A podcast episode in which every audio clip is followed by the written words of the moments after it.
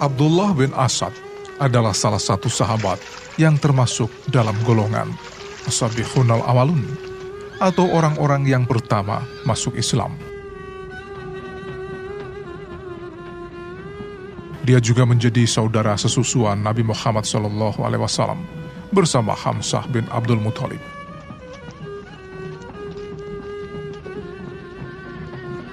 Ketiganya bersama-sama pernah disusui oleh budak Abu Lahab bernama Taubiyah. Sebelum kemudian Nabi Muhammad SAW disusui oleh Halimah As-Sadiyah.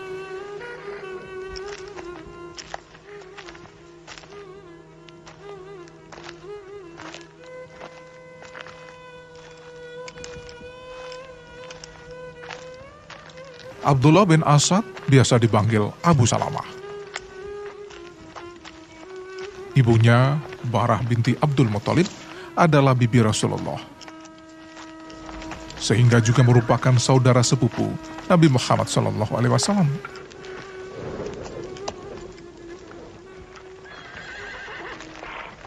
Abu Salamah bersama dengan istrinya, Ummu Salamah, termasuk orang yang merasakan kepedihan pada awal penyebaran agama Islam. Pernikahannya dengan Ummu Salamah menghasilkan empat anak, yaitu Salamah, Umar, Zainab, dan Dura.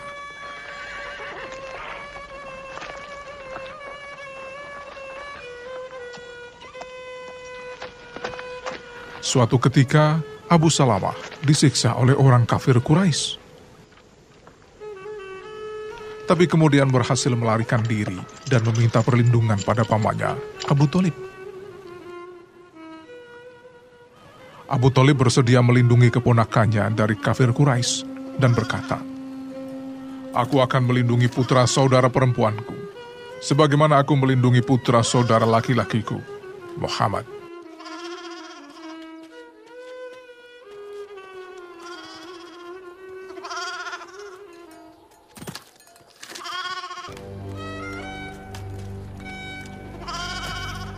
Ketika banyak cobaan dan penyiksaan yang dialami oleh kaum muslimin, Abu Salamah bersama istrinya, Ummu Salamah, hijrah meninggalkan Mekah bersama beberapa sahabat lainnya menuju Habsyah pada bulan Rajab tahun kelima kenabian.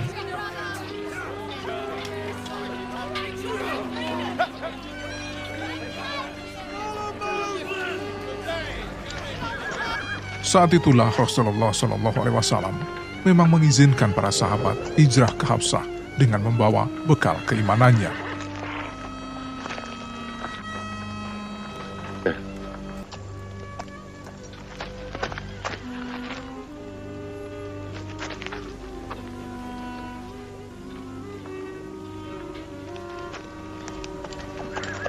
Suatu hari mereka mendengar berita bahwa Mekah telah dikuasai oleh orang Muslim.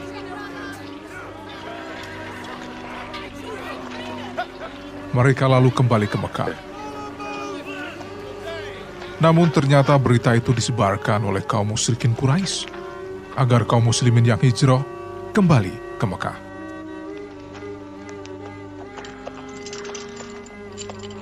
Ketika mereka menemukan bahwa berita itu tidak benar, Abu Salamah dan keluarganya serta beberapa sahabat lainnya hijrah kembali ke Madinah. Pada saat itu, keluarga Ummu Salamah melarang mereka untuk berhijrah. Keluarga Ummu Salamah kemudian mengambil dan membawa anaknya yang bernama Salamah secara paksa sampai salah satu tangan Salamah cedera. Peristiwa itu membuat Abu dan Ummu Salamah sedih. Tapi tak lama kemudian datanglah bantuan dari seseorang yang kasihan melihat mereka sehingga Salamah akhirnya bisa kembali ke pangkuan kedua orang tuanya.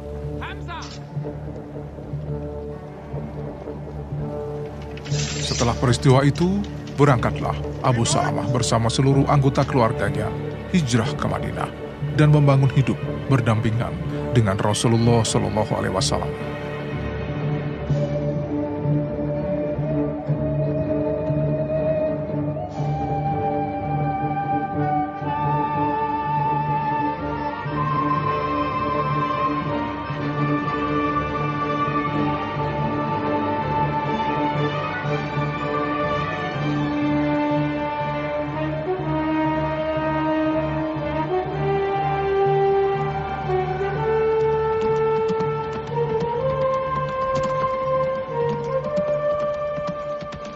Belum lama setelah keluarga Abu Salamah tinggal di Madinah, pecah perang Badar. Dalam perang itu, Abu Salamah tampil sebagai salah satu sosok yang gagah berani, berjuang demi kebenaran dan tegaknya ajaran Islam. Perang Badar dimenangkan oleh kaum muslimin, meski dengan jumlah pasukan yang lebih sedikit dari kaum kafir.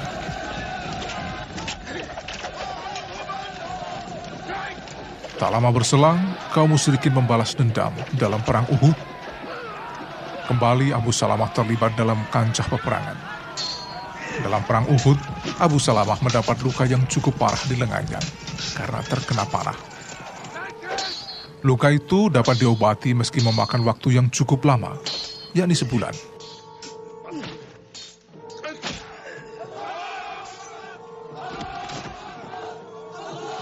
Meski belum mendapatkan kesembuhan, Abu Salamah ikut dalam barisan bersama 150 orang kaum muslimin ke Khotan pada bulan Muharram.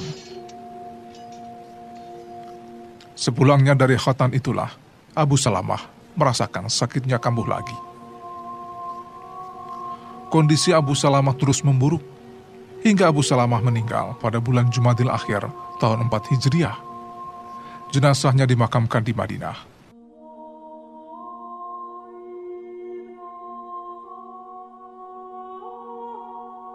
Sebelum Abu Salamah meninggal, Ummu Salamah pernah berkata, Aku telah mendengar bahwa seorang wanita yang suaminya tiada dan suami itu termasuk ahli surga, kemudian wanita tersebut tidak menikah lagi sepeninggal suaminya. Maka Allah Subhanahu wa taala akan mengumpulkan mereka berdua di surga. Mari kita saling berjanji agar engkau tidak menikah lagi sepeninggalku dan aku pun tidak akan menikah lagi sepeninggalmu. Mendengar perkataan istrinya, Abu Salamah kemudian berkata, Apakah engkau mau taat kepadaku? Ummu Salamah mengangguk. Kalau aku kelak tiada, menikahlah. Ya Allah, berikanlah pada Ummu Salamah sepeninggalku nanti, seseorang yang lebih baik daripadaku, yang tidak akan membuat berduka dan tidak akan menyakitinya. Setelah Abu Salamah wafat, Ummu Salamah selalu berkata, Siapakah yang lebih baik bagiku daripada Abu Salamah?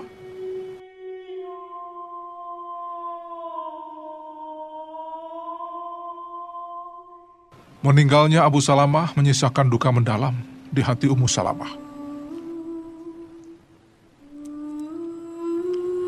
Ketika Abu Salamah meninggal, Rasulullah Shallallahu Alaihi Wasallam datang dan memejamkan matanya lalu mengesap kedua matanya karena beliau menangis.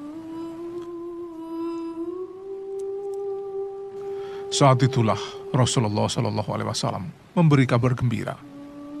Kelak Abu Salamah di Mahsyar adalah yang pertama kali mendapat daftar dengan tangan kanannya.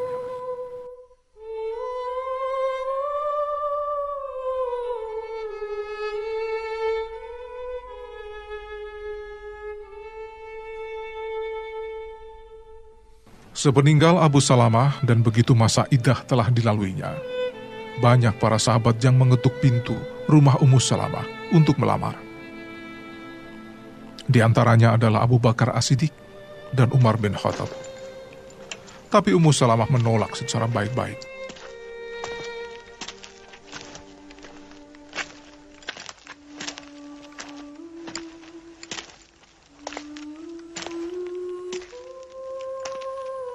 Setelah para sahabat ditolak, kemudian datanglah seseorang yang kembali mengetuk pintu rumahnya. Sosok itu tak lain adalah Rasulullah Shallallahu Alaihi Wasallam yang hendak meminang Ummu Salamah. Kepada Rasulullah, Ummu Salamah berkata, Wahai Rasulullah, sesungguhnya aku adalah wanita yang sudah berumur dan aku juga memiliki anak-anak yatim. Lagi pula aku adalah wanita yang sangat pencemburu.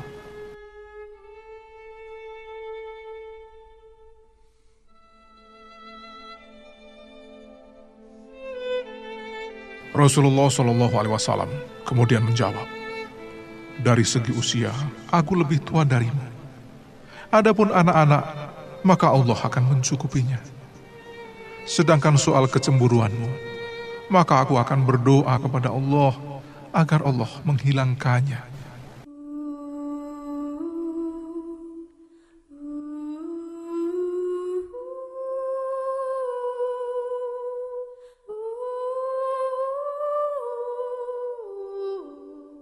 Setelah itu menikahlah Ummu Salamah dengan Rasulullah Shallallahu Alaihi Wasallam. Akhirnya doa Abu Salamah yang berharap agar istrinya dapat menikah lagi dengan orang yang lebih baik darinya benar-benar terjawab.